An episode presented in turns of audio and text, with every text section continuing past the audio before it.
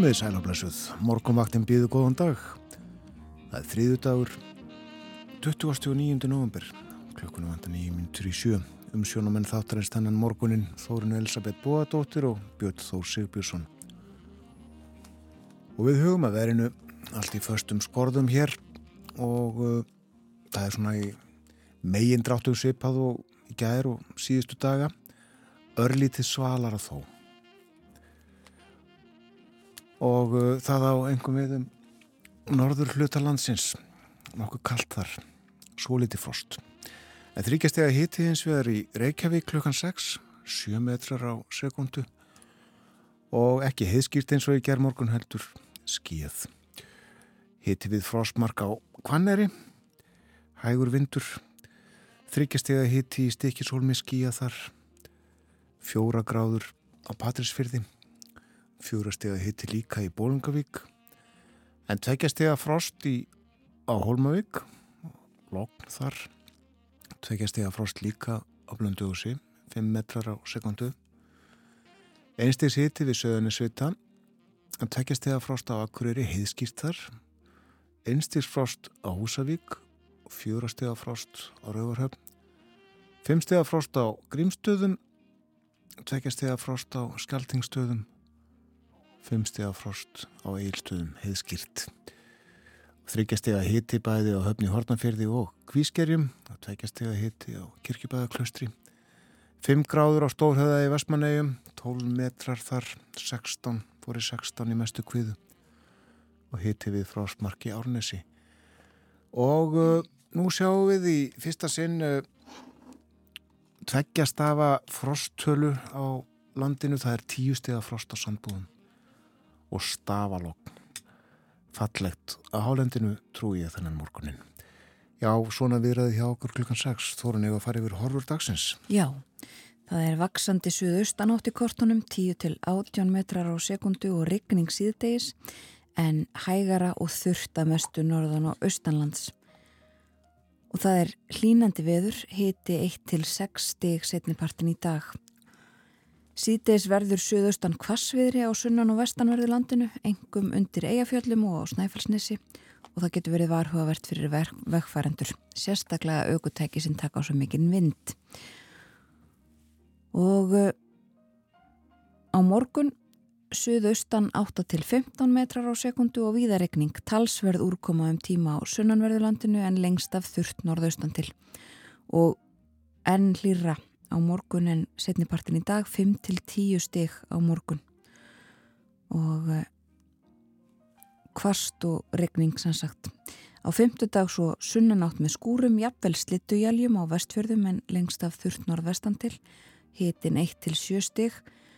Svo fer hitin sínist mér lækandi á ný og það er komið núna í kortið í spána í fyrsta sinn snjó koma í flestum landslutum. Það geti farið svo í byrjun næstu viku að það snjói í flestum landslutum.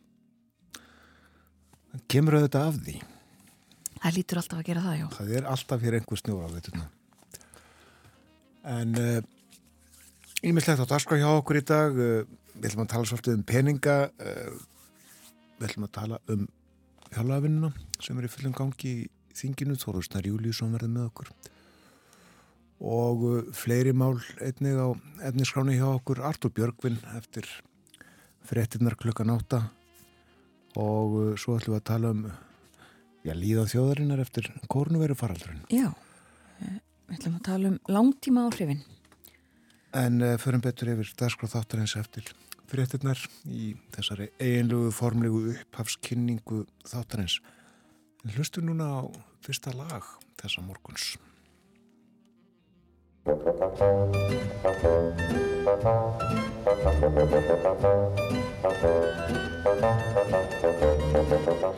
vegna er hvert lítið barn svo lítið og lífið allt svo undarlegt og skrítið og svo ótryggt hér að enginn sinni mér það fái sjá hvað satt er Ég vil að börnin fáið að fæða stærri.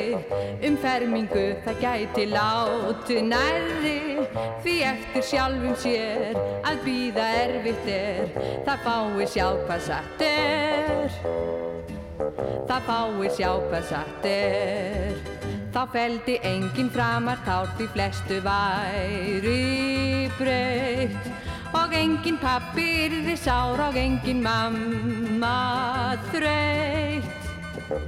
Ég vil að börnin fáið að fæða stærri um fermingu það gæti láti nærri því eftir sjálfum sér að býða erfitt er það fáið sjá hvað satt er það fái sjá hvað satt er.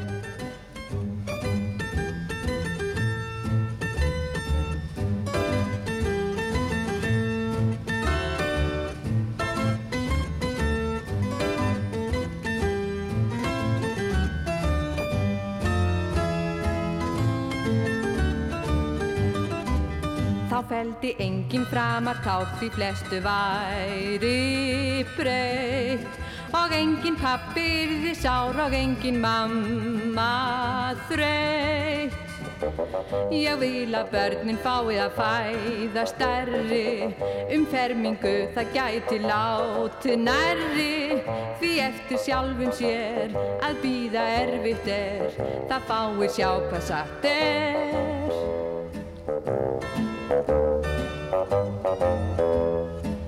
Það fái sjá hvað satt er. Erla Þorsteinsdóttir söng, lag eftir Sigfús Haldússon. Stefán Jónsson gerði textan, hvaðið, hvers vegna. Já, fréttir framöndan kom eftir tvær mínútur, allt með hefðbundnum hætti. Eftir fréttir fyrir við yfir dagskrá þáttarins og lítum í blöðin, fréttablaðið og morgunblaðið, einhver erlend, hlustum á tónlist.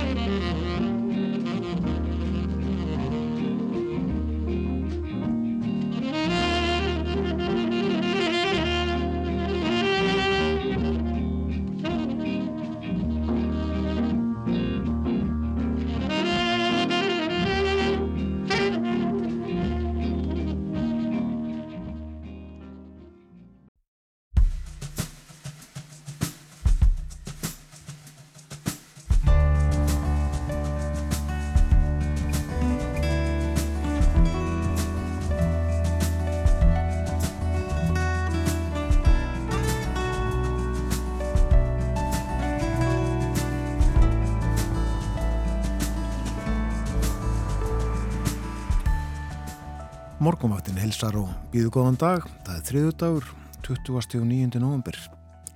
Langtíma áhrifin af heimsfaraldri COVID-19 eru smám saman að koma í ljós. Vísindamennum allan heimvinna að því að fá heildar mynd af bæði faraldrinum og afleðingunum. Unnur Anna Valdimarsdóttir, professor í faraldsfræði, er einn þessara vísindamanna. Hún rannsakar langtíma áhrif COVID á líðhelsu, sérstaklega geðheilbriði og hún kemur til okkar upp úr klukkan hálf nýju. Þorustar Júliusson verður með okkur í þættinum í dag. Við ætlum að spekulera í kjaraviðræðunum og stöðu í ell málsins og við förum yfir breytingarnar sem ríkistjórnin vil gera á fjárlagafrömmarpinu sem nú er í meðförum alþengis. Alls konar viðbótar framlög voru kynnt í ger. Þorður verður hjá okkur klukkan halv átta.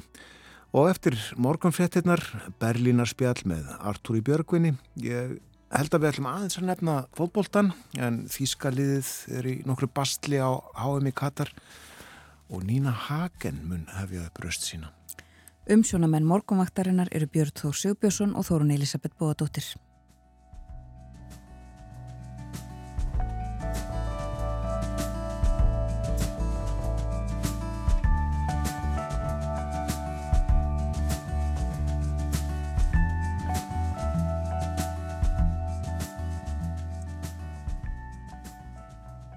Það er vaksandi suðaustanátt í dag og verður skíjað með köplum en þurft að mestu.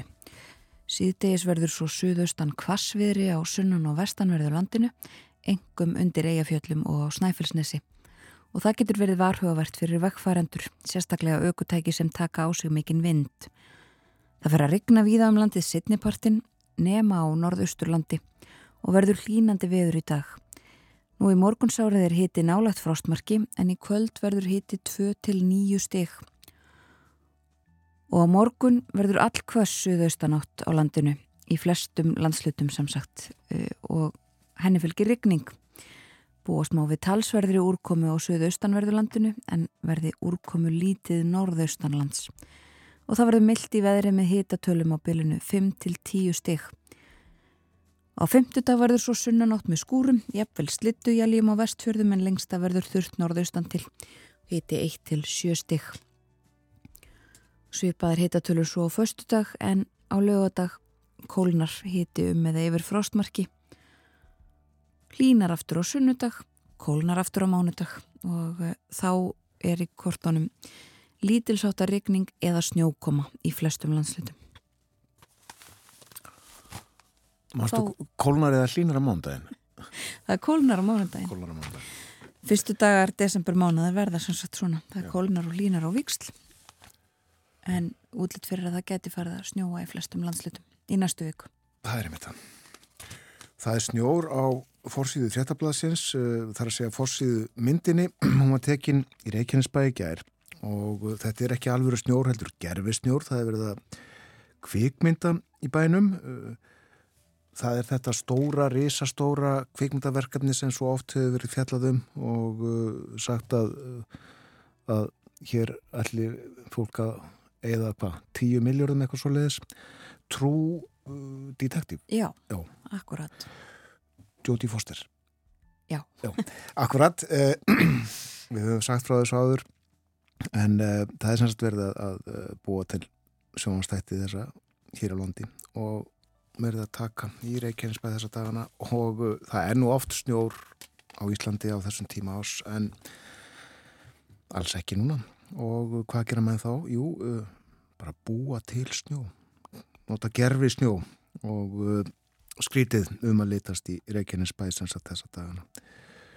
Og uh, bænum breytti Þorp í Alaska og uh, það er fyrir þessu haft og uh, ég held að við þurftum að loka fjölmörgum göttum og jafnvel fyrirtækjum í, í Reykjanesbæ ger og kannski næstu daga áfram líka vegna þessar kvimdatöku en uh, hún er líka náttúru tengt fórsíðumynd morgunbladsins í dag uh, má sjá norðurljós á himni yfir Húsavík ger og uh, rétt kannski að segja frá því að uh, það er og verður sannsagt í dag áfram talsverð norðurljósa virkni dregur úrni á morgun miðugudag en verður svo allmikil aftur á fymtudagin og það verður ekki bara á Húsavík eða yfir Húsavík sem að mátti sjá norðurljósi ger heldur líka eh, á höfuborgarsvæðinu eins og uh, sjá mátti á samfélagsmiðlum í gerð fólk duðlegt að mynda dansandi norðljós og, og setja á samfélagsmiðlana. En uh, viðræður þokast lítið segir hér í fyrirsögnum fórstíðu morgunblæsis það verið að fara yfir gangin í, í uh, kæra samninga gerð og rétt hér meðal annars við Eið Stefánsson sem er varaformaður landsambands íslenskra vestlunamanna og hann er jafnframt formaður félags vestlunar og skrifstofufólks á Akureyri og hann segir tilgangurinn með að mæta er að reyna að íta þessu eitthvað áfram. Það er oft svona tótni í fólki. Eh, okkur fannst þetta svolítið rýrt þannig að það þarf að ná að tegja þetta aðeins upp. En það nást samningar á endanum segir hann, það er nú alltaf þannig. Þetta endar alltaf með því að samningar takast. Og svo er verið að segja hér frá þessum stórauknu framlugum til lögröklu á fórsíðu morgunblæsins en í gær þá uh, var upplýstum áform ríkistjórnarinn er um að bæta mjög í framlög til ímins að máluflokka og uh, meðal annars á að stórbæta og auka framlögin til lauruglunar og það um þetta er 2,5 miljard og uh, svo er það uh, fréttablaðið sem að uh, segja frá því að uh, það er einhver óanæja uh, meðal annars innan sambands íslenskra myndlistamanna með það að það hefur ekki enn verið skipaður sapstjóri listasaps Íslands. Segir hér að félagsmenn í sambandi íslenskra myndlistamanna þeir undrist tafir á ráðningu fórstuðumans þetta gott. Blöðum með bíli Við vorum að hlusta á smá tónlist. Heyrum Miles Davis. Þetta lag heitir Sörkul.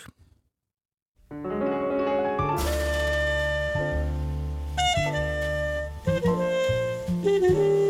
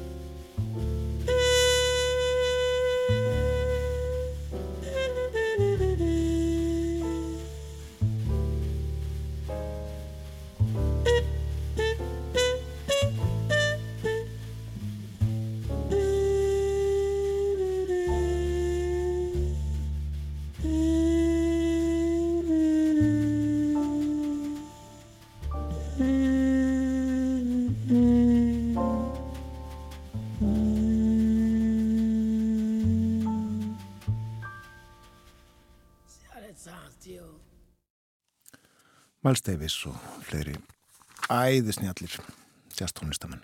Sörgul hétt þetta lag. Og förum þá út í heim, skoðum frettir utan úr heimi. Byrjum í Kína, við rettum um Kína í gær, Lína Guðlu Alladóttir var gestur okkar þá og við rettum meðal annars um mótmælinn sem að brotist hafa út eh, afskaplega sjaldgeft að slíkt gerist eða komist í frettir í Kína. E, og e, hún rætti þessi mál við okkur, kom henni ekki á óvart, sáðun en nú hefur e, þetta verið svona barið niður verðist vera miklu leiti lauruglan mjög sínileg til þess að stöðva þessi mótmæli og uh, sagt frá því hér meðal annars á, á við breskablaðsins Guardian í nótt að minnst okkurstu einn hafi verið handtekinn. Og uh, einhverjir fleiri uh, yfirherðir og stöðvaðir. Það er erfitt að fá óháðar fréttir af þessum mótmælum. En umfjallanir um þetta víða e, og lauruglan mjög ábyrjandi í stóru borgunum. Bæði í e, Shanghai og Beijing kemur hér fram að lauruglan hafi verið í alla nótt að fylgjast með og um, meðal annars fylgst líka með uh, skilabóðum og, og skeitasendingum fólks um hvað það ætlaði að koma saman. Og lauruglan að skoða í síma fólks líka sem að var stöðvað, segir hér, sem að uh, til þess að aðtöga hvort að fólk væri með einhver forrit í símanum sem að væri hægt að nota til þess að skipulegja mótmæli og tala við aðra. Með annars uh, telegram og skeita sendinga uh, forrit. En samsagt nokkuð mikið búið að um, berja neður þessu mótmæli í byli í það minsta og uh, aðrar stórar alþjóðlega frettir eru þetta frá Úkrænu sagt frá því víða í fjölmjölum að um, Utaríkis ráþerar Norðurlandana og Eistræsaldsríkjana hafi heimsótt Úkræni gær, við sáum það í fréttum auðvitað, Þúrtís Kolbrún Reykjörð Gilvadóttir, Utaríkisráþara Íslands var þeirra á meðal, var í kænugarði í gær. Og nú eru Utaríkisráþara NATO-ríkjana eh, komnir til eh, Rúmeníu, þeir munu funda í Búkarest í dag og morgun. Og búistu því að það verði kynnt og tilkynnt um mikla aukna aðstóð, fjárhags aðstóð eh, bandaríkjana sérstaklega í tengslum við þennan fund og uh, Antoni Blinkan auðvitaðriksóþara bandaríkjana á leið eða komin til uh, Búkarest eins og aðrir NATO-ríkjana og uh, verða Úkrænumál á dagskráni þar Förum aðeins til uh, Norðurlandana. Uh, Politíkan í Danmörku er með umfjöllunum uh, launamál og nýja, nýja áform Evrópusambandsins um það að, að gera þau svona opinskári gegnsari. Þetta sé anþá tabu launamál en sum fyrirtæki séu farin að Eh, vera opinn með það hvað hver og eitt starfsmöður fær í laun og þetta mingar til dæmis eh, launamun kynjana. Og uh, í Svíþjóð þá er uh, umfjöllunum um heilbreyðismál, um byðlista, uh, langa byðlista og þetta er líka umfjöllunaröfni einhverja blada í Breitlandi. Það eru mjög kunnulegar frettir sagt frá því ef einhverjum fórsýðum að í breska heilbríðskerfunu sé verða um, útvista það séu svo langi bygglistar að það sé verða að senda sjúklinga til annara ríkja til dæmis í uh, í uh, mjadmaskipta aðgerðir og, og uh, slíkt. Og það eru tilteknar háar upphæðir sem að þetta hefur kostað skattgreðendur síðast í gæir þá voru önnur mál sem tengjast um, tengjast breska helbriðskerfun á fjölmörgum fórsýðum þá var meðal annars sagt frá því að uh, eldartalan hafi verið 3000 það hafi verið 3000 færri læknar uh, frá öðrum ríkjum í Evrópu eftir Brexit. Ekki eins aðlæðandi fyrir lækna að koma frá uh, Evrópusambandsríkjum til Breitlands að vinna og það var áður en að breytar yfirgáðu Evrópusambandið. Og uh, fleiri mál bresk til umfjöldunar það er uh, meðal annars verið að ræða um, um áform uh, ný lög í Breitlandi uh, sem er að taka hart á því að samfélagsmiðlar hleypi börnum inn á miðlana. Það eru aldurstakmörk á flestum samfélagsmiðlum en uh, þeim er ekki svona fast fyllt eftir. Og nú sagt frá því á nokkrum fórsýðum að uh, það er að taka upp sektir og uh, viðurlög að fylgjast vel með þessu til þess að vernda börnin í Breitlandi og annað tengt börnum uh, verkamannaflokkurinn vil hætta að undan skilja engaskóla frá virðusökarskatti það er eitthvað sem týðkast í Breitlandi og sagt frá því á fórsýðum hér að ef að þessi áform myndu ganga eftir þá þurftu um 200 engaskólar í Breitlandi að loka. Þeir gætu ekki starfað áfram ef að þeir þurftu að fara að borga 20% verðusökarskatt og svo þetta eru fjölmarkar fórsýður eh, með undirbúning fyrir leik Englands og Wales sem að fer fram í kvöld á eh, heimsmyndstaramóti Karla í Katar í knaspinu Liðin mætast klokkan sjö, heyrðum við í frettunum hérna áðan líka. Og mikil spenna fyrir þessu á Breitlandsegjum og eh, einn af þeim leikjum sem þar fer fram í dag og tengt þessu móti þá eh, er áhugaverð umfyllun í New York Times í dag um stuðningsmenn Katar eh, landsliðs Katar. Það hafi vakið mikla aðtekli uh, hvað stuðningsmenninir hafi verið líflegir og, og kraftmiklir uh, í leikjum Katar en það hafi komið upp um þá uh, marga.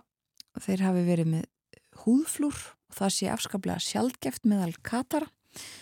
Og New York Times skoðað þetta mál og komist að því að Katarar hafi borgað, greitt ungum kallmönnum aðalega frá Líbanon líka einhverjum frá Egiptalandi, frá Allsýr og nokkurum frá Sýrlandi til þess að koma og vera þarna og styðja við Katar. En haft eftir einhverjum þeirra að það sé ekki bara peningarnir sem að uh, hafi lokkað á þarna að heldur sé það skilda þeirra að styðja annað Araparíki þegar deili tungumáli og uh, þurfi að hjálpa til sína heiminum eitthvað sérstakt þannig að þetta er eina frettunum á fórsíðun á New York Times í dag. Já, talaði þess meðin um fókbólta Já. Segja hérna frá fókbóltaleik sem að fór fram sumara 1954 í Reykjavík. Ég rifjaði aðeins upp uh, frásögn af útlitalegnum sem uh, framfór á heimsmestramótinu þetta sumar. Og ætlaði að segja frá landsleik sem á sama tíma var leikinn í Reykjavík Ísland-Noregur. En uh, það er einhvern veginn fóst fyrir afsökunar á því. Ætlaði semst að gera það ekki er en uh, já, Ísland og Noregur áttust við í Reykjavík 1954 og uh, Ísland fór með Sigur og Holmi vann 1-0 réttlátra hefði verið fjögumörk gegn tveimur, saði umfjöllun morgunblasins. Íslands eins að talsvert betra og uh, það voru 9.000 áhörundur á þessum leik. Ég held að það komist nú ekkit mikið fleiri en 9.000 á lögadalsvöldin í dag, þannig að það var nú ekki mikið framþróum hvað það varðar orðið uh, frá 1954. En uh, það var sagt frá uh, Þessu öllu saman í morgunblæðinu landslið hérna norrænu frandþjóða hlupu hlið við hlið inn á leikullin lítil telpa klætt upplutt ferði fyrirliða hins norska liðs Fagramblómund og þjóðsöngvar Noregs og Íslands voru leiknir. Einföld en hátileg setningar aðtöfn, saði hér. Og auðvitað veðurlýsing, all kallt var í veðri, það var leikið 4. júli. All kallt var í veðri og góla af norðvestri sem betra var að hafa með sér en á móti. Undan þessari gólu kusu normennir að leika í fyrirháleik. En uh, Ísland stóð sér vel og uh, já, vann 1-0 og uh, ég held alveg öruglega að Þorður Þorðarsson hafi skorað mark Íslands. Svo var hófum kvöldið í sjálfstæðishúsinu og bóðið upp á steiktar júpur í matinn og norsku fókbaltamönnum þeim voru veittar gafir Hvað fengu þeir? Jú, öskubakka. Íslenska knarspilni fóristan gaf norsku fókbaltamönnunum keramik öskubakka til minningar en um þennan landsleik í Reykjavík sömurinn 1954. Þetta er líklega aðeins breytt í dag.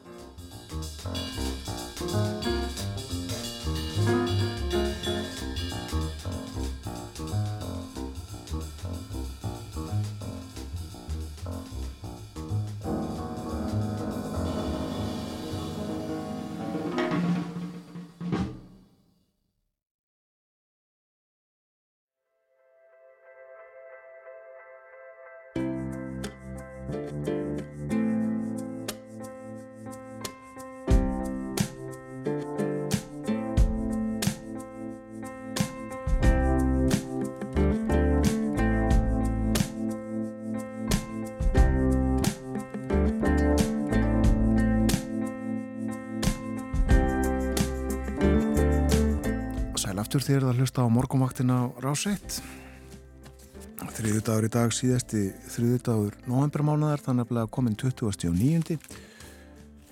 fyrsti desember á 5. daginn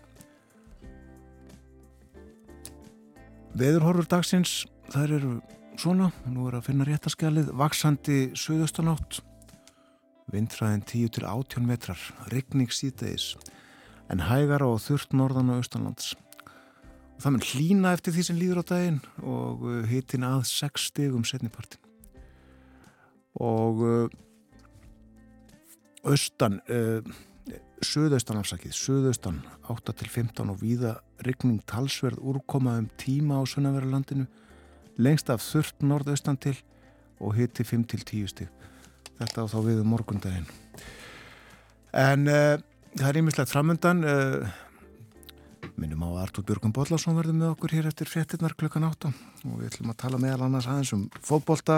Þíska landsliðinu hefur ekki gengið vel á hensbestramótinu í Katar og um það eru þetta rætt á kaffihúsum og, og annars það er það sem að fólk kemur saman í Þískalandi. Artur Björgvin minn segja okkur frá því og við herum líka í Nínu Hagen, hún var ekki út nýja plötu. Já.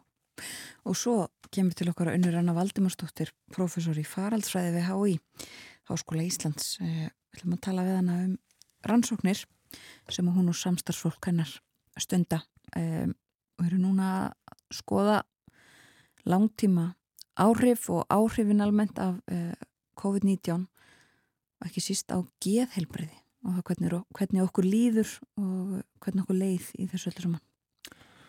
En nú ætlum við að spjallum efna á samfélag. Þórðusnar Júliusson, stjóri Kjarnals, komin til okkar. Hell og sæl og góðan dag. Góðan dag.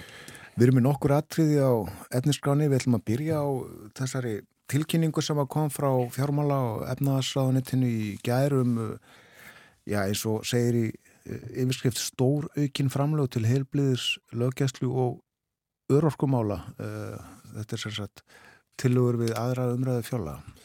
Já og tilvöðnar eru ekki komin að fram sem er þingskjál en þá þannig að við sjáum ekki allar breytingarnar, maður heyrði það nú í, í, í óundabúinu fyrirsputnum á, á þinginu í gæra að það eru líka e, samdráttur í einhverjum framlögum, það er áttist við formaður samfélkingarinnar og formaður framsunaflokksins um framlög til húsnæðismála og voru verulega ósamála um það hvað breytingar á, ákveðnum gjaldliðum hérna þýttu e, þannig að það verður fróðlegt að sjá það þegar, þegar allur pakkin byrtist okkur og við getum eh, ráðið í hann sjálf en ekki látið stjórnmálum en ráðið í hann fyrir okkur. Einmitt. en það sem var í tilkynningu ráðunitsins er það að, að útgjöld ríkisjóðs munu frá því að, að fjárlega frumvarpið var lagt fram í september verða 50,6 miljörðum hærri en var uh, lagt fram þar. Uh, og þar voru þau þetta tæplega 1300 miljardar, þannig að þetta er dágóðu peningur Þetta kemur ofan á þá ja, hvað, um 70 miljardar sem eh, muni að 70, tæpilega 75 miljardar sem eiga bætast við fjár augalög sem er annað fyrirbæri. Eh, það er, þeir 75 miljardar fara til þess að láta árið 2022 gangu upp, þetta er vegna ásins 2023 og þarna er verið að bæta í Ímislegt, það er rétt sem kemur fram í tilkynningu uh, ránsins að það er stærsti, stærsta viðbóta framlæði fyrir til uh, heilbreyðis mála. Það er hérna, 12,2 miljardar sem fara inn í þann málaflokk og það er að fara 4,3 til landsbítalans, sjúkrás, aguriri og hilsugjæslustöðana. Eh, það er líka margt annað þarna sem er ansið aðtilsvert. Það er eh, stórukinn framlög til lauruglumála um eh, tafla 1,5 miljardur sem fer til þess að styrkja laurugluna meðal annars í baráttu hennar gegn skipulegri glæpastarsemi og uh, svo fara 5 miljardar uh, vegna þjónustu við flotta fólks og umsækjatur um vernd og það er beintengt við uh, þann stóraukna fjölda sem við komum hingara frá Úkrænu á þessu ári og það var líka gríðarlega aukning á fjáraugalögum vegna þessa. Það sem ég svona fast kannski aðteglisverðast í þessu er að það er gríðarlega aukning í, í, í hérna, þann málaflokk sem heitir endugreðslur vegna stuðningsvíms af nýsköpunar geira. Mm. Þar fara fjórir miljardar umfram það sem var áallega í september til endugreðsla vegna kvikmyndagerar og ef maður setur það í samingi hver uppálega talan var, hún var 1,7 miljardur þannig að nú fer hún upp í 5,7 það er bara þreföldun rúmlega á framlæginu þá er það gríðaleg aukning á, á, á framlægi til þessa málaflokks og þarna skipti máli að fyrra á þessu ári var kyrð í gegn eh, breytingum að hækka endugreislu til stóra verkefna á 25 í 35% og uh, það verkefni sem kom hingað í kjölfari það er að segja tökur á True Detective serju fjögur sem standa nú yfir hérna viða um landi og uh, er áallega að kosti ykkur starfbilinu 9-10 miljardar og þá það maður ekki að vera uh, langskóla gengin í starfræði til þess að sjá að þarna geti verið já, norðamegin við 3 miljardar í endugreyslu vegna eins verkefnis. Þannig að þarna eru gríðarlega breytingar í, í gangi í, í fjárframlögum uh, ríkisjós Já, byrju breytist eitthvað frá því að september hvað þetta var þar? Þetta, þetta True Detective verkefni var þegar komið til skjáluna. Já, sko, þetta var líka svona á fjárögalögum, það var mikill viðbóta kostnaður vegna endugreislu til kvikmynda þar og e, það verist vera að það hafi raunlega ekki verið búið að gera fullkomlega grein fyrir eða reikna sig alveg niður á því hvað þessi hækkun myndi þýða. E, þetta eru Eh, eins og ég segi, hérna, þú veist, breytingin úr 1,7 miljardi í fjóra eru þetta alveg svakalega mikil og uh, þetta er hérna þetta var kert í gegn svona á undan áallun í vor. Uh, svona flestir í, í þessum geira voru samfólum það að það var gert til þess að tryggja þetta verkefni mundu koma enga og þetta verkefni er svona allt um líkjandi í allri íslenski kvikundagerði eins og staðan er í dag og er eins og ég segja áður stærsta svona verkefni sem hefur komið til Íslands. Já Og uh, framöndan önnur umræða uh, fjallega í þinginu, það er náttúrulega aðal umræðan, uh, þá fá frumvarp svona efn, efnislega meðferð í þingsalunum. Já, uh, það er nú vanilega þannig að flesta stóru breytingarna sem eru gerðar eru á milli fyrst og annar umræða. Akkurat. Uh, tengt stjórnmálunum er íelsjóðurinn sem við hefum fjallað um. Uh, það er nokkur harka hlaupin í það mál. Já, kannski eðlega, uh, mikið undir og, og hérna og núna eiga sér stað svona lögfræðilegar skilmingar, svo er þetta að segja, hérna þetta kom uh, óvænt en ekki kannski eh, óvænt hvernig það var sett fram af fjármálaefnaðsráðara þegar hann tilkynntu um að hérna framöndan væri úrlöst mála í eldsjóðs og við varum svona rækjað hér áður hvað, um hvað þetta snýst og ég ætla ekki að fara í það í löngumáli eh, sagði að hérna það ætla að reyna ná sáttum við eigendur brefana fyrir áramótu ef ekki þá er þetta bara sett lögjöf sem myndi einhvern veginn leysa þetta mál. Og með þessu ætlaði hann að spara ríkisjóði um 150 miljardar króna. Og þeir sem eru á hinum endanum í þessu, stærstu hluta lífyrísjóðanir, hafa ekki verið jafnsáttir og hafa telt fram lögfræði áliti á móti lögfræði áliti fjármóla efnaðsraðara eh, sem segir einfallega að áform hans um að eh, setja lög til þess að slíta í eldsjóði brjóti í báa við stjórnarskrá og sé bara eignar upptaka ég segja tapsitt uh, uh, felist í því að þeir séu þetta þegar þau kaupa skuldabröðin þá eru þeir búin að ganga út frá því að fá x águstun á skuldabröðin yfir ykkur tíma og það er ríkis ábyrða á þessu öll saman uh, að þeirra maður þegar þau kaupa og, hérna, og þeir geta ekki fengið sumu águstun á fjármununa í sambarilegri egn og munurinn þar á milli sé tapið og þeir áallega að það geti verið eitthvað stærk kringum 100 miljardar þannig að hérna það verist ekki sjást neitt til lands þar og við erum að nálgast desember og, og tímamörkin sem ráð þeirra sæði að gildu voru áramót og hérna, það verið ekki teirsta þeim samningaviðræðum sem er eigast stað á milli deilu aðila þannig þannig að hérna, uh, þetta stefnir í ansi mikla hörku. Það var mjög aðtilsvægt að lesa, þetta var svona, ég hefði upp fyrir manni alls konar sagfræði þegar maður var að lesa, lesa hérna lögfræði álit sem Logos vann fyrir e, fjóra stóra lífyrirsjóði Eh, að vera hérna svona uh, að sína fram á það með lögfræðilegu rökum að það var ekki að bera þetta saman við þann rétt sem ríkið uh, beitti þegar það setti neyðalögin þá hafið þetta miklu viðfermari áhætt að verið undir. Nú var ég bara um nokkur prósent af þjóðaframleyslu að ræða og, og ekki hægt að bera þetta tvent saman. En svona það er eins og þeir tólki það hérna, að hótunin um lagasetningu sé byggð á sama grunni. Eh, þannig að það verður bara mjög aðeinsvert að sjá hvernig þetta fer allt saman. Já,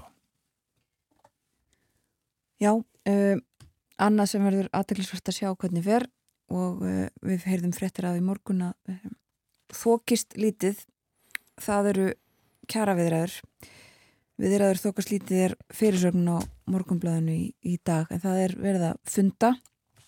Ég var að fara aðeins yfir þessa stöðu. Uh, já, hún er nú kannski, gefur ekki rosalega tilefni til Bjart síni. Þa, það virtist vera uh, ágætis gangur í síðustu viku. Það er hérna svona uh, þessi gífurirði sem hafa kannski einkent kjara baráttuna undanfari misseri. Það hef ekki borið mikið á þeim síðustu vikur. Það er að segja fram að vaksta ákvörðun Eh, peningastefnun enda Sælabankas í síðustu viku þegar var tekin ákvörun um það að, að, að hækka eh, stýrifæksti um 0,25% stíg upp í 6% og það breytti öllum fossundum þess sem veri, verið var að ræða við borðið. Og það sjaldan sem aður uh, sér kannski uh, svona herskáa fórustumenn verkefliðsreyfingarinnar og Haldó Benjamin Þorbjörgsson tala nánast eh, sama rómi eh, um eh, eitthvað sem á sér stað. En það var þannig í kjölfar eh, þessarar eh, ákvörunar sælabankans og setti umræðunar í fullkomu uppnám. Já. og í kjölfarið þá var farið það að reyna að ræða skamtíma samning, það er að segja ekki langtíma heldur að semja út næsta ár og fórsetisar á þeirra stígur inn í sem er auðvitað óvinnlegt og ekki kannski takti við það sem stjórnvöld hafa bóða þau hafa sagt að þau vilja koma kannski mjög einn á lokametrónum til þess að lifka fyrir smyrjaðins hjólinn eins og þau hafa oft gert í kjara viðraðum með að, að mæta með ekkert pakka á móti gerðu það 2019 í lífskjara samningunum líka mm -hmm. uh, og hérna og það er svona góður ómur gerður að þeim fundi og svo fer fjármúla efnaðsar á þeirra viðskiptaþing og talar með öðrum hætti og, og þetta fer auðvugt ofan í ímsa og, og og uh, það leiði til þess að Vaffer, þetta fjöla landsi, slítur síðan uh, kjaraverðum á 15. síðustu viku og hérna og formaði Vaffer saði í vittali við okkur að hann hefði verið niðurlegaður þrísvara sólaring, fyrsta sælabankastjóra svo af uh, fjármóla efnaðsráðara og lokum af samtökum aðtölis með því tilbúði sem þau gerðu vaffer og, og samkvæmt okkar heimildum þá er, var þar verið að tala um, um ja, 18-30% 30.000 krónar launahekkun eh, á þessu 14 mánuða tímabili sem fórstum en verkefælisreifingarna benda á að duði valla fyrir gjaldskrárhækkunum sem eru svona ofinbönu gjaldskrárhækkunum sko sveitafélaga sem er verið að ráðast í og þá eftir að fara í allt sem mun hækka hér um áramót vegna uh, fjárlaga frumvarsins þá eftir að fara í hækkun á, á bara mat og bensíni og við erum ekki svona byrjuð á hækkunum sem eru vegna húsnæðis. Þannig að þessu var bara hafnað og var fyrir sleit sínu viðraðum. Hvað fælst í því nákvæmlega? Eh, ekki nokkuð skapað hlutur? Eil ekki, nei. nei. Eh, þetta er ekkit frekar en það þegar það kjara viðraðum er vísað til sáttarsemjara, mm. það fælst eil ekkit annað í því en að, að þetta er bara svona eh, einhvers konar styggskref sem er farið í gegnum í þessum viðraðum. Það er nú sjálfna sem er ná saman á fyrsta fundi Já. og hérna og hvað fer sleit viðraðum á fymtudagin en er að fara á fundi í dag. Akkurat. Þannig að hérna það fælst svona kannski meiri meira bara í því yfirlýsingu um það að frá þeirra hendi sé á þeim fórsönd sem aður laðið fyrir fram að sé ekki til þess að semjum mm -hmm. en samt sem áður er, er alveg móttækilegir fyrir því að koma aftur á borðinu ef þörf krefur á. En aðeins að þessari vakstabreitingu í, í síðustu viku, vakstabreitingu segja vakstahækkun uh, telur þú Þóru Snær að Sælabankin hefði mögulega átt og, og, og þá geta átt að býða? Það er auðvitað það sem Eh, aðilar vinnumarkaðarins segja að þeir uh, voru að vonast til að hann myndi gera. Seglabánkin er sjálfstæð stopnun, hans hlutverk er að stuðla að verðstuðleika. Mjög skýrt hlutverk. Mjög skýrt hlutverk uh, og það má alveg segja afsakið, að, að, hérna, að maður hefur alveg séð Sælabankan svona, að minnstakosti geta lesið á milli línana að hann e, horfi á sig sem hluta stundum að hluta af stærri mynd mm. og taki tillit til utan að koma til ástæðan í, ef maður myndi nálgast Sælabankan þannig, þá já, ættan e, sannlega að hafa átt að býða og geta bóða bara auka fund, vakst ákvörnum fund sem hann getur gert og það, það sem e, meðal annars Haldur Benjamin talaði um að, að hann hefði átt vonaði að bankin geti gert ef að hann telti til enn til. Eh, en svo auðvitað talar Sælabanki líka þannig að bara, þetta er bara okkar hlutverk og við erum að sinni eða samkvæmt því þá er hann bara að gera það sem hann á að gera. Hann telur að verðbólgan Uh, að þurfa að hækka vexti meira til þess að ná verðbólgunni niður í ásattalett ásattalett horf og þá hefur hann þetta tæki sem býtu fastast. En afleggingarnar auðvitað eru gríðalegar það eru gríðalegar á þess að kjara viðræður það eru gríðalegar á afborganir eh, fullt af fólki af, afborganir fullt af fólks af, af hérna, húsnæðislánum þeirra og svo frammeðist þannig að hérna uh, hvað sem uh, því líður hvernig Sælabankin upplifir sitt hlutverk þá eru afleggingar hans um allt samfélagið sem, þegar við erum að reka samfélag í á svona litlum gjaldmiðli í svona litlu uh, feikilega miklar. Hann er auðvitað hluti af þessu samfélagi, hann likur ekkert einhvern veginn utan að því sko. Nei, nei, það, það er bara þannig og hérna Uh, en aftur, uh, laugin eru líka mjög skýr, hann er sjálfstafstofnun en hann er sjálfstafstofnun í, í, í samfélagi Hérna við ætlum að, að fara aftur inn í þingið og draga fram þar þaðan frumvarp sem kom fram á dögunum og þetta er tent sjáruptegi og varðar veiðigjaldið? Já sko það er ekki sem eina af, af, af efnarslegum aðgerðunum hérna í, í, í koronaviru faraldrinum þá uh, var ákveðið að uh, svona auka heimil til þess að, að fyrna, þess að auka fjárfestingar, þá máttur fyrna fjárfestinga eignir með ákveðnum hætti. Og, hérna, og þetta hljómar uh, frekar flókið og, og, og hérna, ekki mjög aðgengilegt en, en í tilfelli sjáuröldsfyrirtækja þetta er um, um mjög dýrar fjárfestingar ræða til dæmi skip og svo leiðis og ef þú ætti að fá að fyrna þar til þess að losna undan skattgreislum þá eh, getur það skipt töluru máli og skila stórum eh, fjárhæðum. Og það sem er verið að gera núna það er að segja, e, þegar fjárlögin voru lögð fram, þá reikna með að þau átt að skila ja, 7 miljardum í, í veiðigjöld uh, og uh, þegar hérna, nei fyrir ekki 8,3 miljónum króna í veiðigjöld og svo verist vera þegar hérna, þetta var svona verið reiknað út í kjölfar þessa fjárlega frumvarp að vera lagt fram að það myndi ekki vegna þessara fyrningar eh, ákvaða skila nema sjö á, þessu, á, á næsta ári og þá er gatt í fjárlögum, þá vantar pening til þess að fjárlögin stand undir þeim tekjum sem þau eru búin að segjast ætla standsum. Þannig að það farið í það til dæla rætt að, að, hérna, að svona, hvað sem má segja, fletja út þessa kurvu, taka meira uh, veita minni afslátt vegna fyrninga á næsta ári en hann verður segja meiri fimm árin á eftir eða fjögur árin á eftir og hérna og þá þar með vera veðigildi 9,5 miljardar á næsta ári en þetta er ekki hækkun með neinum hætti. Uh, þá bara kemur það fram í lærri veðigildum árin í kjölfarið. Uh, og uh, samtök fyrirtæki í sjáurútvi eru samþygg því að gera þetta svona. Þetta, þetta er ekki meiri kostnaður fyrir þeirra umbjóðundur en aftur á móti skilar fleiri krónum í kassan á árinu 2023 þannig að þetta er svona aðeins hérna má líka því við að taka, taka peninga úr, úr, úr framtíðinni og, og nota þá í nútíðinni. Eh, en svo hefur þetta vakið aðtikli að, að, Svandi Sjóðastóttir þeirra sem fer með þennan málflokk hefur ítrykka sagt að, að svo séu undir í, í hennar já, 50 manna endurskoðunar hópi sem kallast auðlindirnar okkar þar sem er verið að, hérna, að endurskoða ímsa þætti e, sjáar útvegs kerfisins og umgjörni kringum það.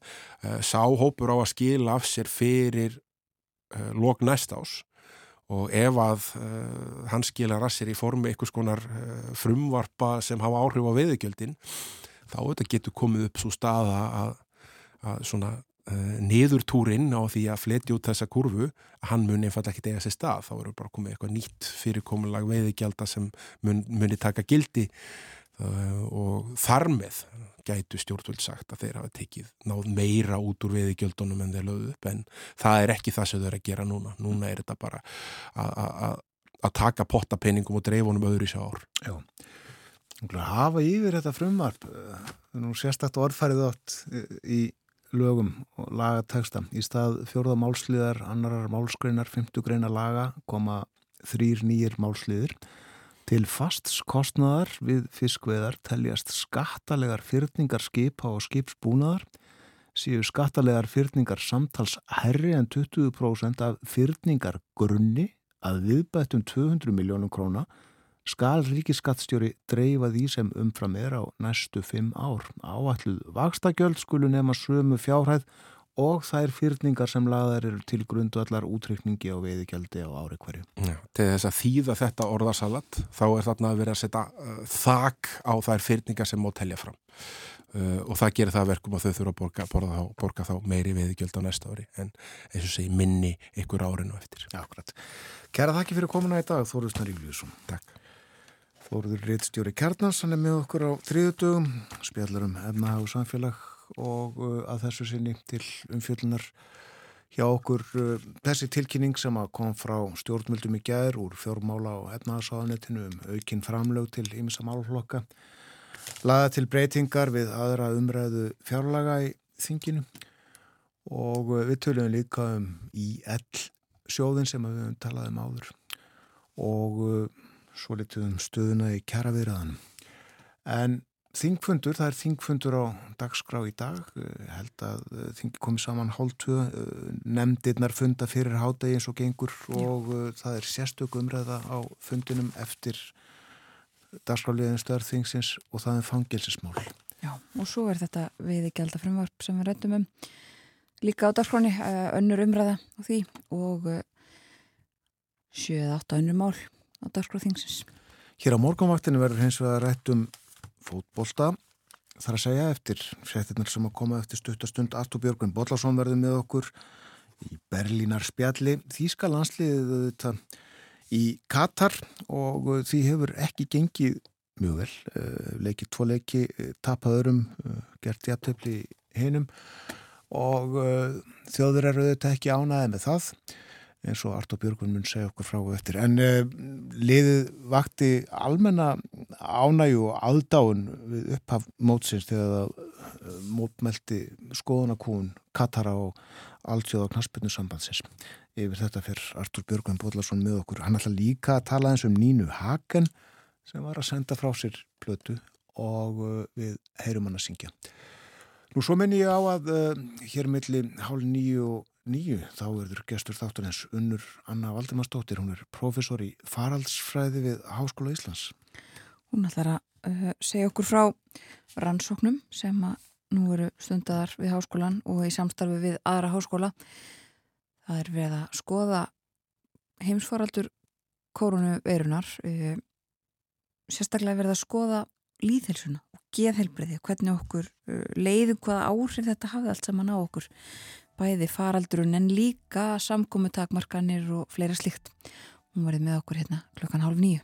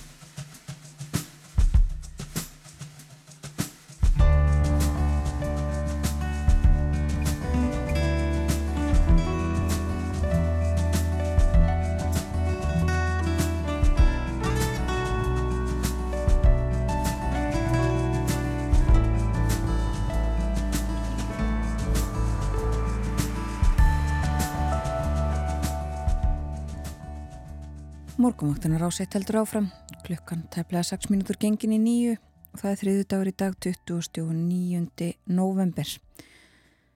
Hjá okkur fyrir fréttinnar var Þórður Snar Júliusson reittstjóri kjarnans. Hann fór yfir ímislegt, er eh, kemur efnahag og, samf efnahags og samfélagsmálum.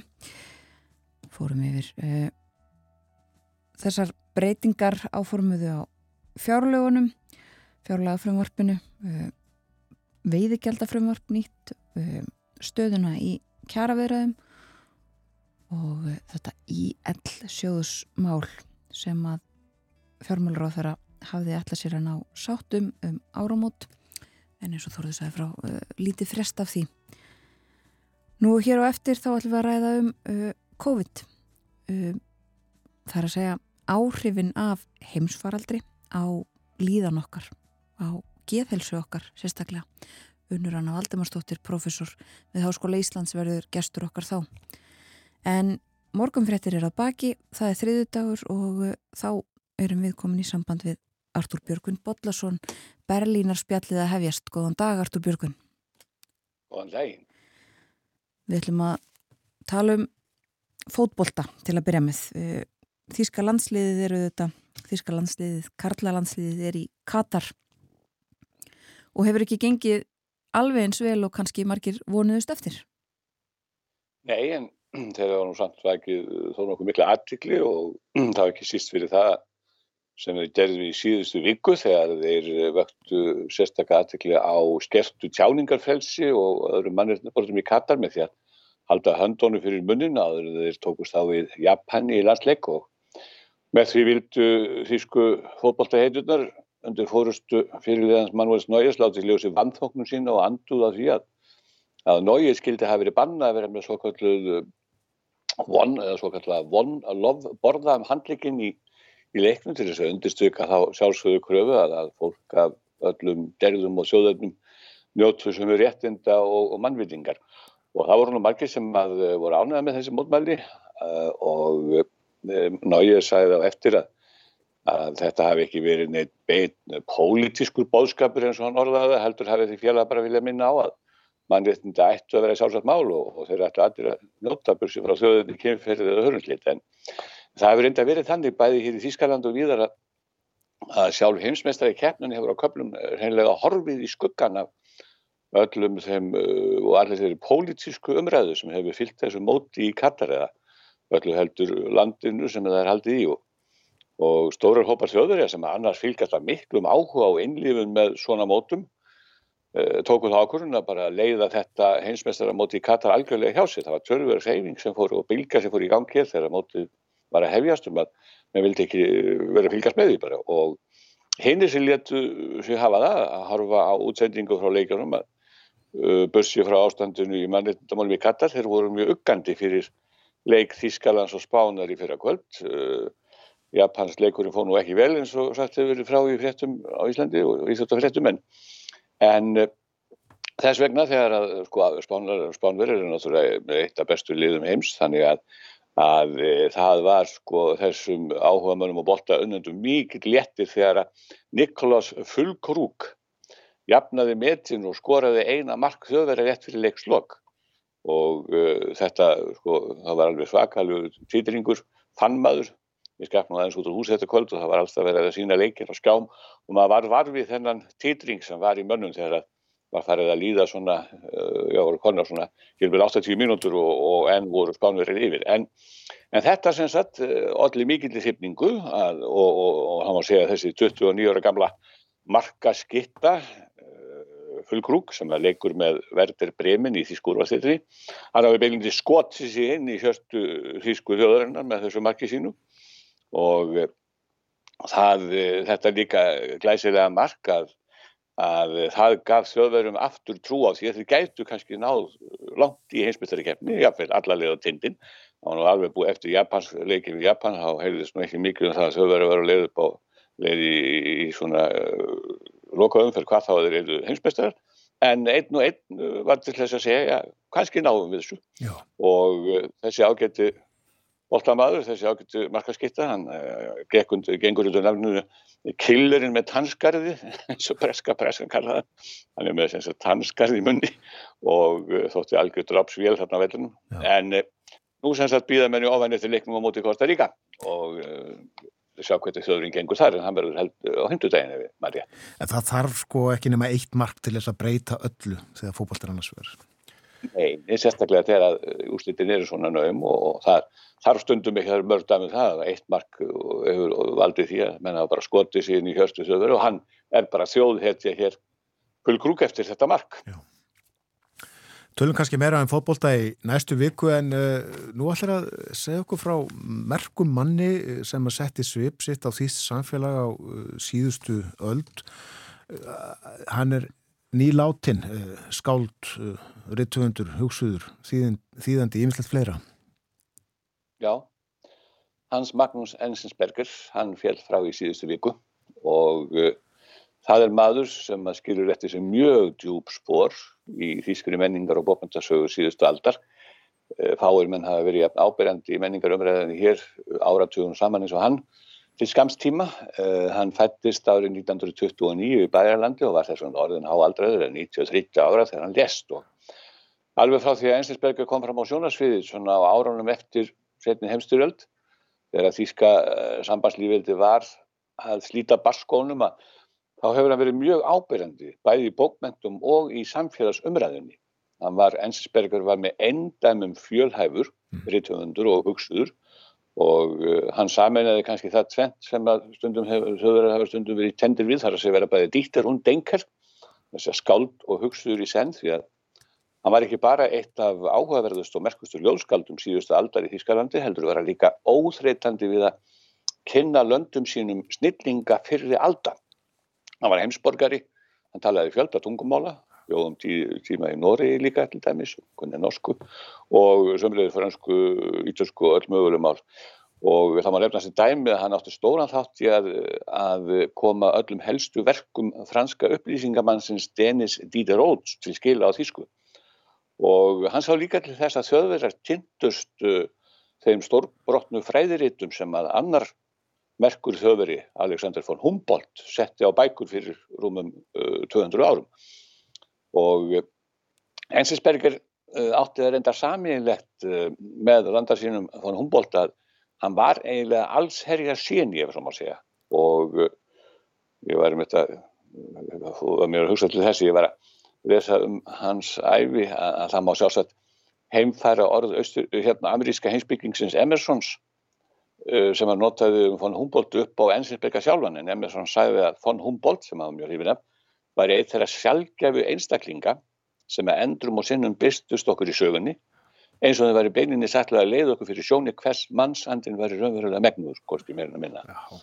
Og margar af uh, snöllustu greinum Ensinsberga sem samfélagsmál uh, byrti hann í tímariti sem að heit, og heitir Kursbúk og uh, Kursbúk var svona eins konar andlegur förunlautur 68 sefingarinnar hér í Þískalandi og uh, hann setti þetta tímaritt á legginnar á 1965 það má nefna sem Ensinsbergur var einn af ja, politískum leiðtóðum 68 sefingarinnar og þetta tímaritt, Kursbúk, það kom, kemur ennþá út náttúrulega hann er lungu hættur þarna en það var tekið við merkinu og, og gefa þetta út enn og hvers einasta hefti af þessu frábæra tímeriti var sko eða hvers einasta heftis var beðið með mikill óþreyju hjá þeim sem voru til dæmis við námi í Þískalandi á 8. áratúr síðustu aldar og þetta var mjög merkileg útgáfa þessi komin mörg hundru intökað þessu sko alveg fram til þessa dag sko.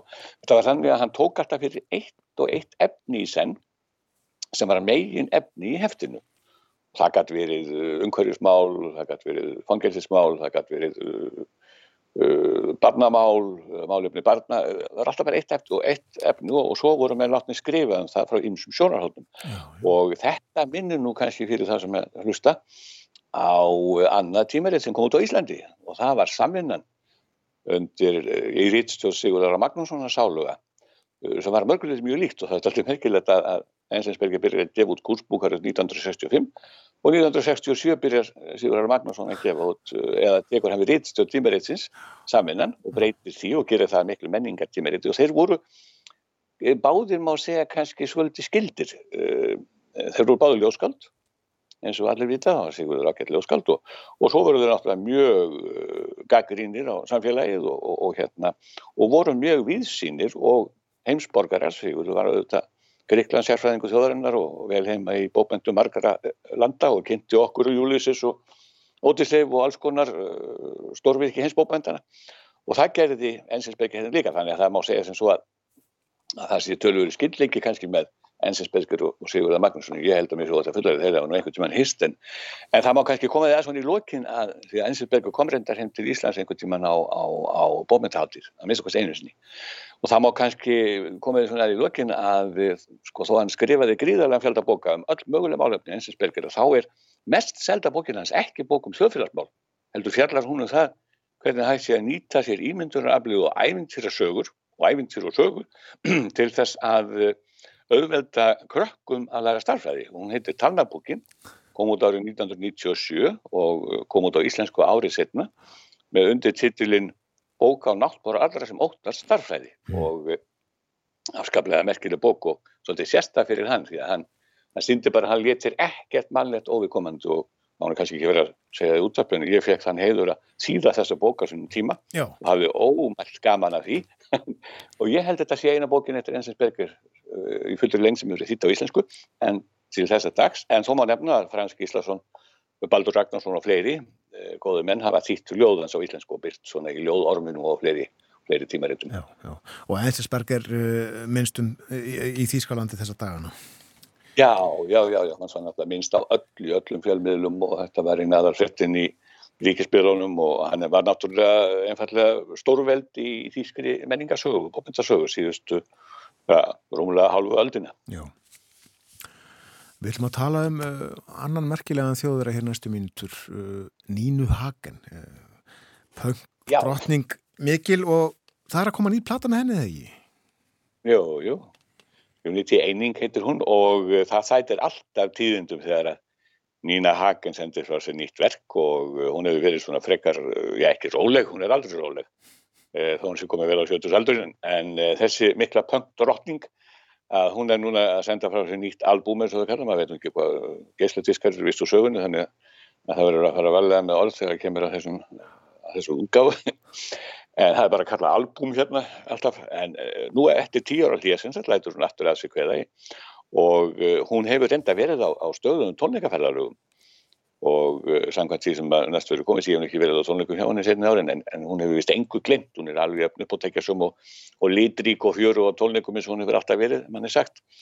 Og uh, hún náttúrulega hristi ærlega upp í þýsku tónlistarlífi á sínum tíma með punkinu, hún var punkdrottning Þýskalans og grínd uh, punkdrottning þauðverja og uh, hún átti sér náttúrulega merka sögu, hún er eftir frá Östu Þýskalandi og kom til Vestu Þýskalans 1900 77 árið eftir að ja, vinur móðurinnar Wolf Bírmann var reikinn frá Östu Þískalandi og hún hristi arðlega upp í, í þjóðlunni hér. Og núna semst að er hún komið með, með nýja blöð og menn býða spendir eftir. Það samt sem áður farið að spila eitthvað að lögunum en á netinu og, og uh, það er aldrei neinn lokkmállega láteiða í kringu þessa ágættu konu sko, hún er en þá að klæða sér í född sem að menn taka mjög eftir. Sérkjent í klæðaburð og skemmtileg með aðbyrðum og, og, og sessilega Og þjóður er tánaði með hana og býða ég á spendir eftir, eftir, eftir plötunni? Ég er sko hluti eða hópur þjóður því að hún hefur aldrei fallið í krami hjá góðborgurum þessa lands því að hún er alltaf upprýstna gjörn og hefur látið sendt skeitt í allar aftur en það er náttúrulega stór hópur og miljónu þjóður sem eru hrifnir af henni og hafa gaman af henni því að það er eins og annar staðar að svona uppreistna setjir í tólist falla ekki í kramið á öllum en, mörgum. Já, og hún hefur þegar sendt frá sér eitt lag af plötunni, leift fólki að heyra það á, á Spotify til dæmis og kannski á útastöðum og þetta er smellur frá því fyrir 1950. Já, 60 Tons eins og þann heitir og þetta er alltaf gammalt lag sem að margir tekja og en í flutningin ín og hagen er þetta náttúrulega ekki segja óþekkanlegt en, en, en hérna, mjög sérstætt og alveg í stíl við það sem hún er verið að gera. Akkurat. Kæra þakki fyrir í dag, Ortur Björgun Bóllarsson. Takk sem er leiðis. Og hlustu þá á uh, Nínu Hagen 16 tons. Some people say a man is made out of mud. A poor man's made out of muscle and blood. Muscle and blood and skin and bones. A mind that's weak and a back that's strong. You load 16 tons, and what do you get?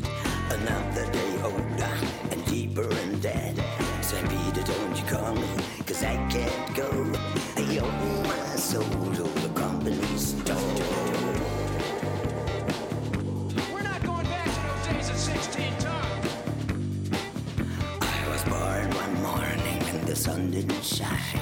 I picked up my shovel and I walked to the mine. I loaded 16 tons of number nine coal in the straw was said, Well, I bless my soul. You load 16 tons, and what do you get? Another day older and deeper in debt. St. Peter, don't you call me, cause I can't go. I owe my soul to the company store.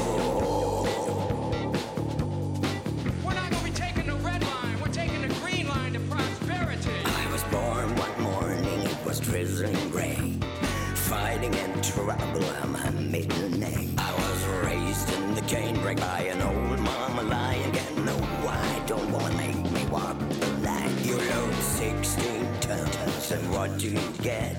Another day older, deeper in debt. St. Peter, don't you call me, cause I can't go. I owe my soul to the company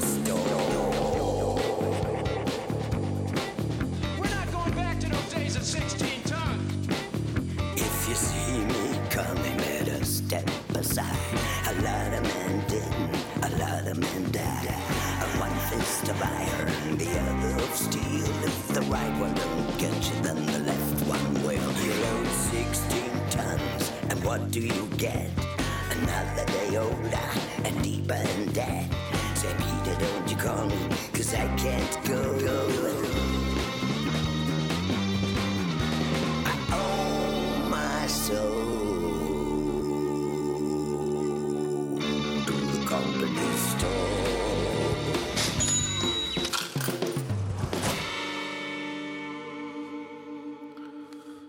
Nína Hagen og uh, fyrsta lagið sem hún sendi frá sér af þessari nýju plötu sem eru vantanleg og uh, er beðið með nokkur eftirvæntingu í Þýskalandi, uh, saði Artur Björgun Bóllarsson nokkur. þó alls ekki allir sem býða eins og hann sagði borgarstjættin hefur, hefur aldrei þólaðana held að sé að segja það en þetta smellur frá, já 1947 held ég að, að þetta lag 16 tons hafi komið út fyrst og það hljómaði allt öðruvísi þá aldrei búið að breyta þessu People say a man is made out of mud. A poor man's made out of muscle and blood. Muscle and blood and skin and bones. A mind that's weak and a back that's strong. You load 16 tons. What do you get? Another day older and deeper in debt. St. Peter, don't you call me cause I can't go. I owe my soul to the company store. I was born one morning when the sun didn't shine. I picked up my shovel and I walked to the mine. I loaded 16 tons of number nine coal, and the straw boss said, Well, to bless my soul, you load 16 tons. What do you get? Another day older and deeper in debt. St. Peter, don't you call me, cause I can't go. I owe my soul to the company store.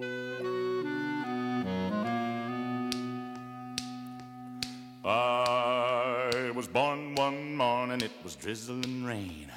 Fighting and trouble are my middle name.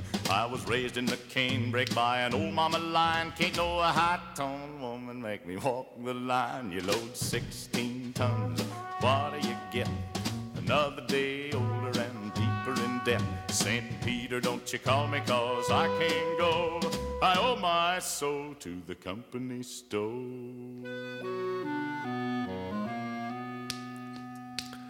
Svona hljómaði þetta lag fyrst 16 tons þegar það kom út 1947 en eh, er í allt öðrum búningi með förum Nínu Hagen eins og við heyrðum á hann stór munur þarna á don't get you, then the left one will. You load 16 tons, what do you get? Another day older and debt. St. Peter, don't you call me, cause I can't go.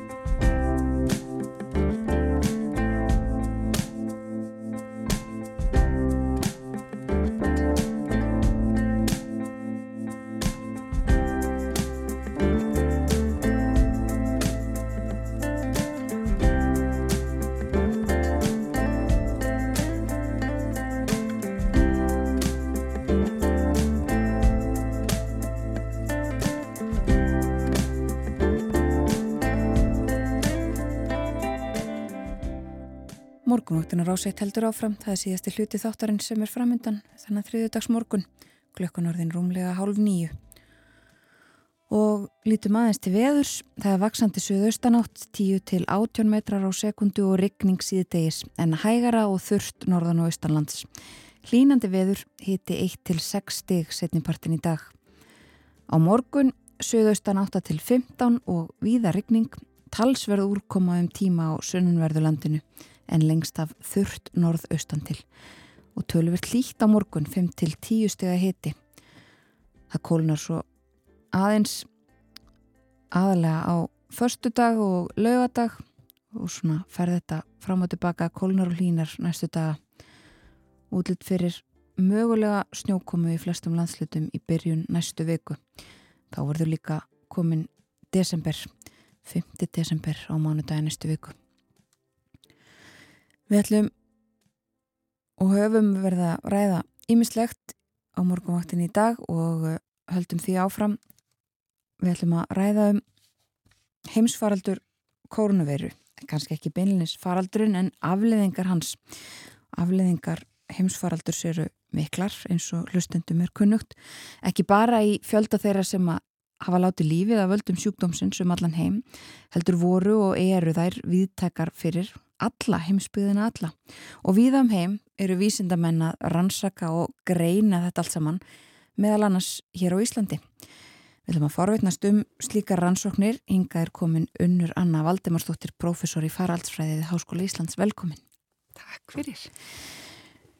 Þú ferð fyrir eh, rannsóknar samstarfi sem að eh, ég var að fá styrk eh, í annarskipti til þess að halda áfram rannsóknum á langtíma áhrifum á líðhelsu. Mér langar að byrja á að byrja þig bara að segja okkur aðeins frá þessari rannsókn eða þessum rannsóknum mm. sem að þið eru það stunda?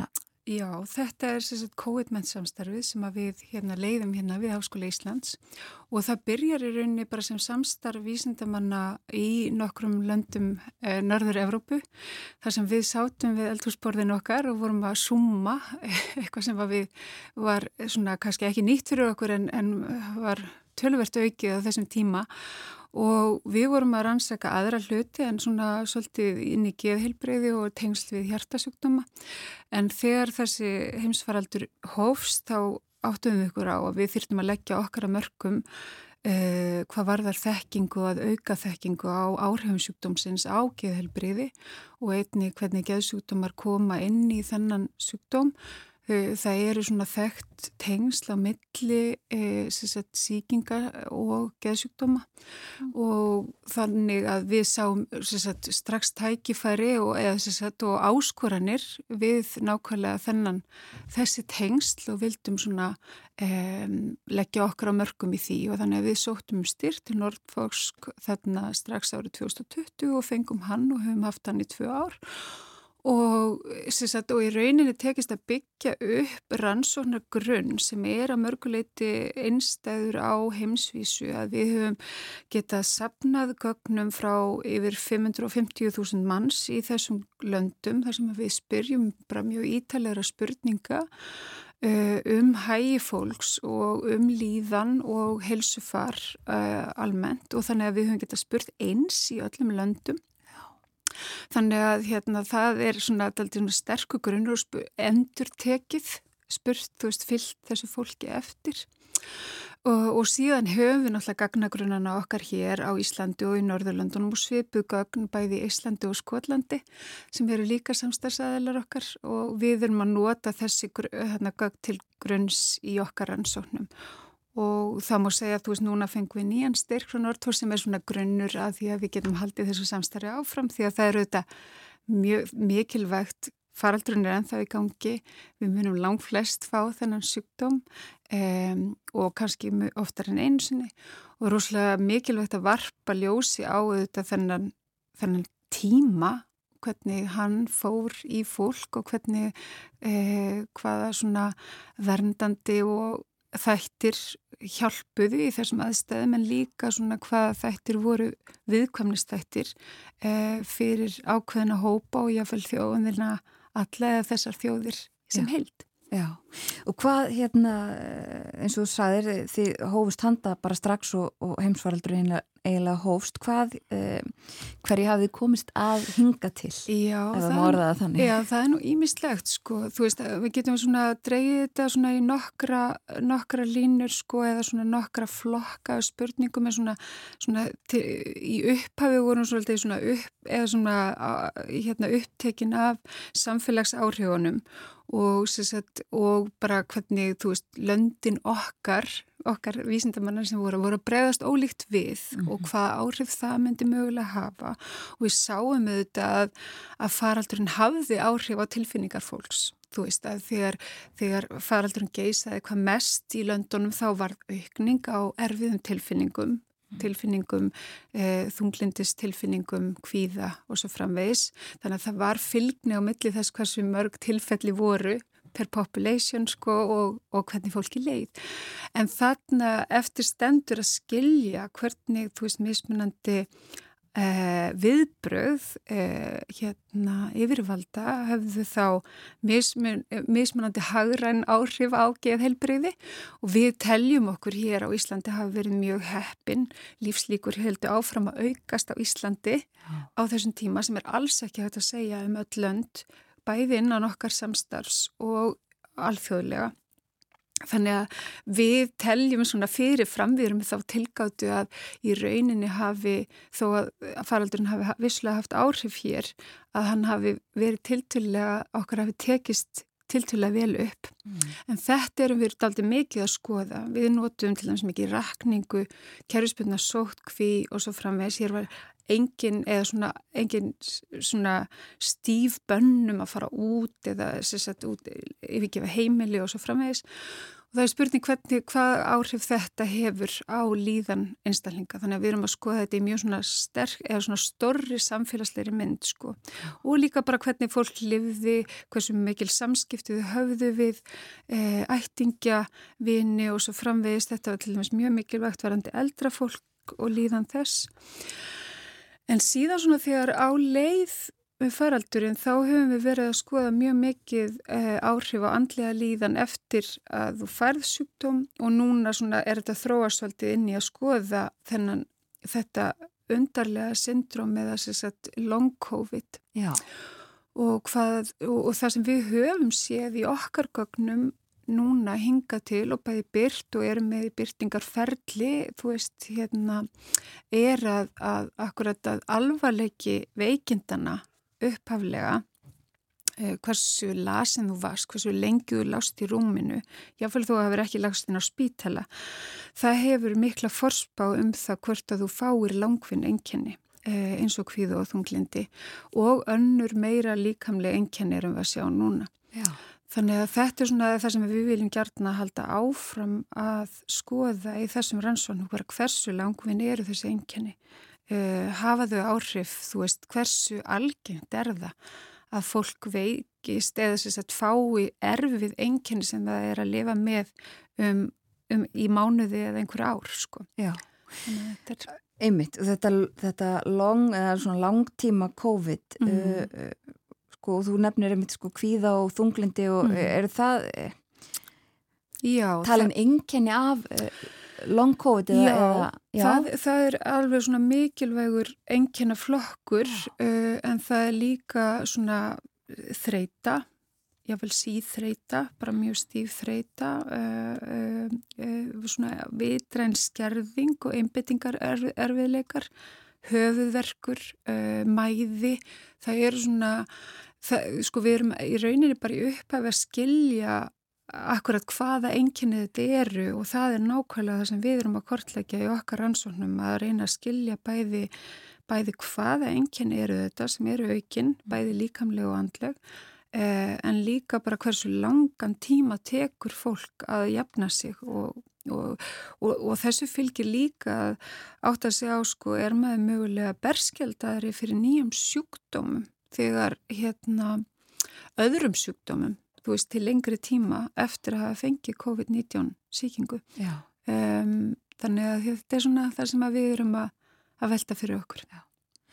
Uh, og margt af þessu væntanlega, eins og nefndir áðan, heimsfaraldrænum er ekki lokið og þetta er enn í gangi. Margt mm. af þessu væntanlega er eitthvað sem við þurfum að vera að skoða um, um lengri tíma. Já, ég, þetta er þryggjára projekt sko og það er náttúrulega málega búast við því að, að hérna, e, sko auðvitað erum við að horfa til þess að við munum mögulega þurfa að e, takast á við faraldusins líkan einhver tíman á næstu árum eða áratöfum og þá er óslega mikilvægt að gera upp og skilja e, hvaða þættir voru hagstæðir fyrir helsufar, fyrir líðhelsu, hvaða þættir voru það ekki. Og þar, þar með talið e, þú veist að skilja hvað áhrif síkingin sjálf hefur á helsufar einstaklinga til lengri tíma af því að þetta þurfum við náttúrulega til skipila heil, heilbriðstjónustu og líka til þess að geta bröðist rétt við næst þegar svona, e, e, svona heimsvaraldrar ganga yfir okkur. Já. Og markmiðið er að fá heldar mynd af þessu öllu saman? Já, það er algjörlega að fá heildarmynd og eitt af því sem að ég kannski ekki nefndi er að það eru náttúrulega eh, ættingjar þeirra sem hafa voruð verulega veikir sem að hérna, við erum líka að fylgja eftir bæði þeirra sem að lögðust inn á spítala og, og síðan náðu þá heilsu aftur, voru útskrifaður en líka einnig ættingjar þeirra sem að letust því þetta sérstaklega upphæfi faraldust þá og fyrst síðustu árin eða árið uh, þá voru aðstæður mjög erfiðar ættingjar gáttu ekki hvart uh, hinn degjandi sjúkling.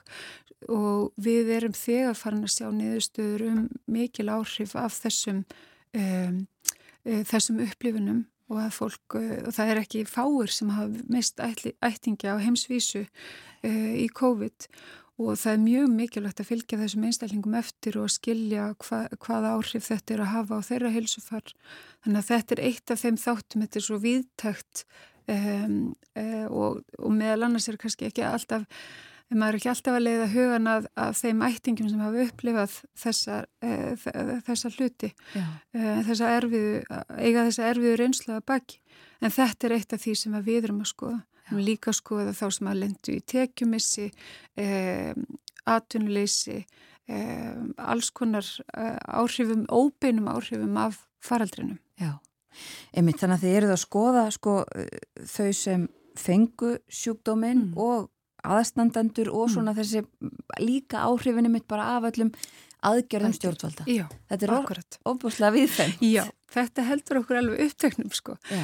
Þannig að þetta eru, þetta eru mögulega, hérna á Íslandi eru við kannski hópur 8-10 manns, eh, við erum kannski 60-70 í, í öllum þessum samstarfshópum, eh, samtals, mjög margir hérna vísindamenn sem koma að þessu, þannig að þetta eru mörg mannar vísindamanna sem fara í að búa til þessa tekkingu. Já, og eru enna að koma upp... Uh, spurningar nýjar sem að þið vilja fá svörfið. Algjörlega, það er náttúrulega hver einasta grein hérna og niðurstuður hverjar vísindagreinar eða rannsóknar vekja nýjar.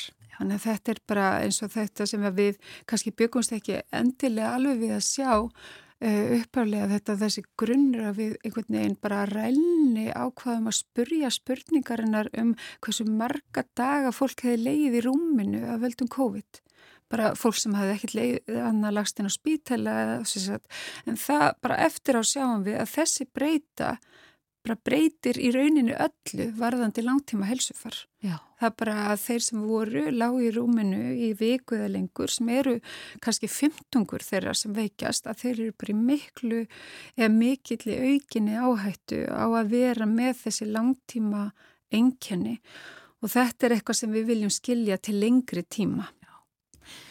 Sko þessi ríki sem er í þessu samstarfi e, auðvitað bröðust ólíkt við mm. en, en eh, kannski ekki svona ólíkustu ríki heims. Er Nei. verið að skoða e, svipaða hluti einhverstaðar annar staðar til dæmis þar sem einmitt fólk Já. var lokað inni eða, eða er enþá lokað inni? Akkurat, jú, það er, það er verið að gera það. Við erum veist, í mjög miklu samstarfi við vísindamenni í Kína uh, og erum að skoða, þú veist að þar er mjög mikil, hérna, mikla sóttvarnar ráð, ráðstafanir eins og hefur verið talað um á síðust dögum hérna, en þá Akkurat. og hérna, hefur mikil áhrif á, hérna, á líðan almennings og við erum líka í samstarfi núna að hefja samstarfi hérna, vísindamenni í bandaríkjónum þar voru áhrifin alveg rosalega mikil uh, þannig að þú veist að, að við erum að, að vinna náttúrulega svolítið breytt sko Já. og auðvitað hérna það er alveg breytileiki eins og frækt var að þú veist að sérstaklega upphæfi faraldust þá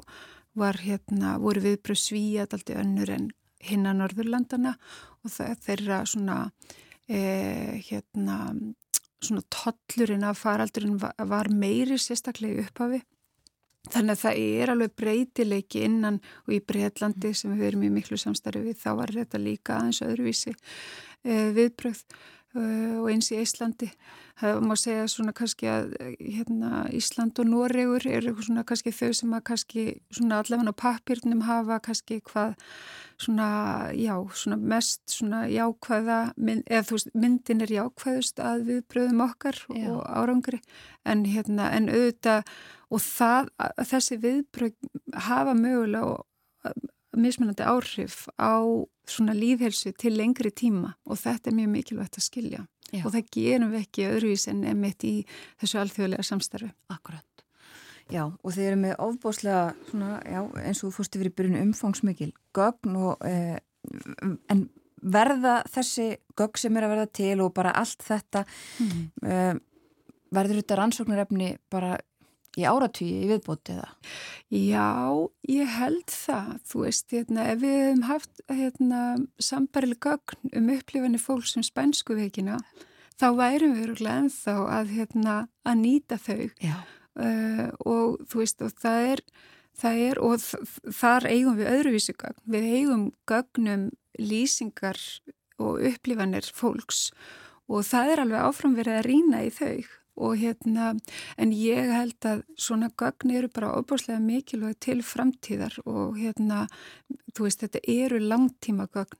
Það er mikilvægt, þú veist, að þeir einstaklingar sem eru með í rannsóknum, þeir vilja að, að við vísindamennir nýtum gögnin vel og að þau séu þau sé hægt að nýta um gerðvalla framtíð mm. Í vísindarlegum tilgangi þannig að okkur takist betur sem þjóð og sem hérna alþjóðarsamfélagi að bregðast við svona ógnum. Já, af því það eru allar líkur á því að söpu og komu upp aftur. Já, það hérna okkur fannst það svona einhvern veginn það var fjarrri almenningi að þetta skildi gerast en gerðist þó og ég held að allavega þröskuldur okkar að að, hérna, að taka við þeirri staðrind sé lærri í dag. Segjum þetta gott í byli. Takk fyrir að koma til okkar og gangi ykkur vel. Unnur Anna Valdemarsdóttir, professor í faraldsfræði við HÍ. Takk.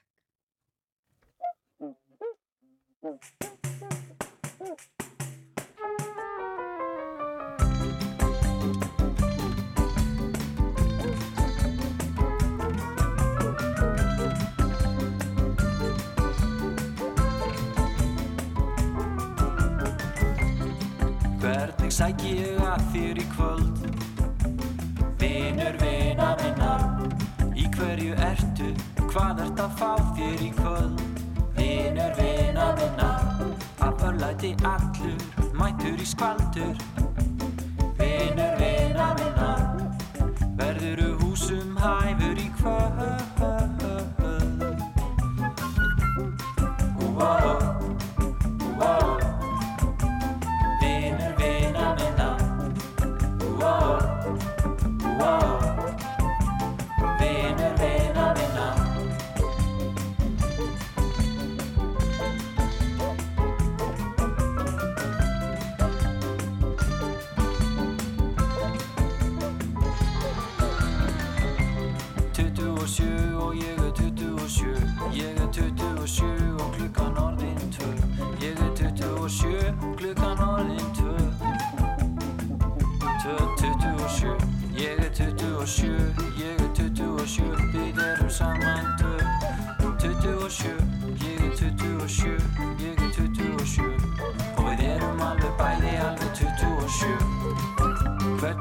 ég að þér í kvöld.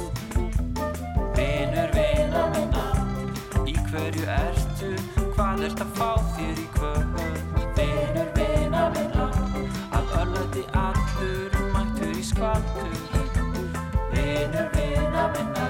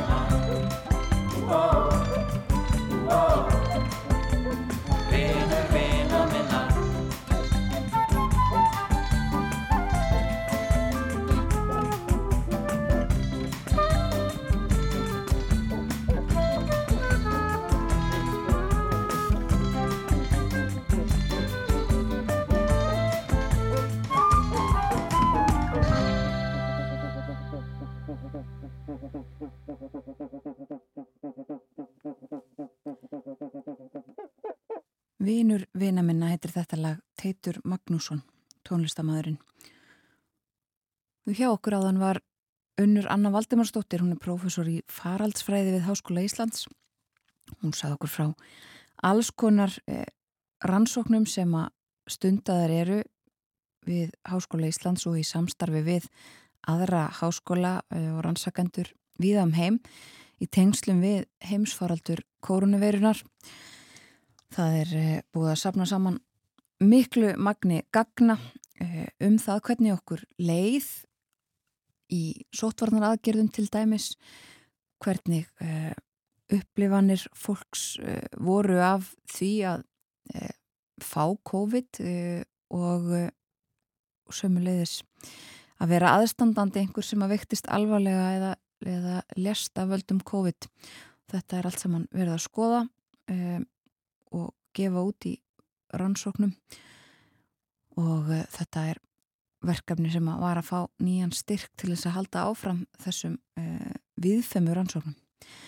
Og unnur annar myndist á til dæmis Kína, uh, þar er verið að skoða þessi mál líka og um, Háskóli Íslands í einhverju samstarfi þangað og uh, við sjáum þetta kannski afleiðingar lokunar stefnu kýmverskra stjórnvalda í mótmælum sem að brotist hafa út þar í landi síðustu daga um, upphafið var eldsvoði þar sem að tíu manns letust og talið að sóttvarnar aðgerðir hafi haft sitt að segja. Fólk hefur verið og er enn lokað inni í lengri tíma vegna sóttvarnar aðgerða í Kína. Og uh, þar er stefnan enn uh, að hafa engin uh, tilfelli, þar að segja hvað sem kallað er zero COVID en með fjöldi smitta einhvað síður verið að greinast í uh, Kína undarfartna dag, uh, dag eftir dag með fjöldi smita. En þetta var uh, síðasta viðtalið okkar á morgumvaktin í dag. Við rættum hér fyrir morgun við Þórsna Júliusson, reittstjóra Kjarnans. Hann sað okkur frá ýmsum málum meðal annars fóru við yfir breytingar sem að kynntar voru í gær á fjárlagafrumvarpinu fyrir aðra umræðu þess í þinginu. Aukin framlögu í ymsa málaflokka, stærstur hluti fer til heilbriðismála en eh, fjórir miljardar fara í uh, endurgreðslur, sem sagt uh, auknar endurgreðslur vegna kvikmynda yðnaðar hér á landi. En það er líka þingfundur í dag, Ímus mála dagskráni þar, hann hefst klokkan hálf tvö og eftir störf þingsins þá verður sérstök umræða um fangelsismál. Fangelsismál fá líka aukin fjárframlög samkvæmt þessum breytingum sem að búðaður voru í gær. En á milli Þórðar og Unnar var Artur Björgum Bodlason með okkur. Hann sagði okkur frá ymsum þýskum málum meðal annars uh, gengi þýska landslýsins á heimsmystaramóti Karlæði Knathspilnu í Katar. Þessu er lokið hjá okkur í dag. Við þakkum samfélgina þennan þriðutarsmorgun verðum hér aftur í fyrramálið. Bjóðum góðan dag þegar klukkuna vantar tíu minnur í sjö. Njótiði dagsins og veriði sæl.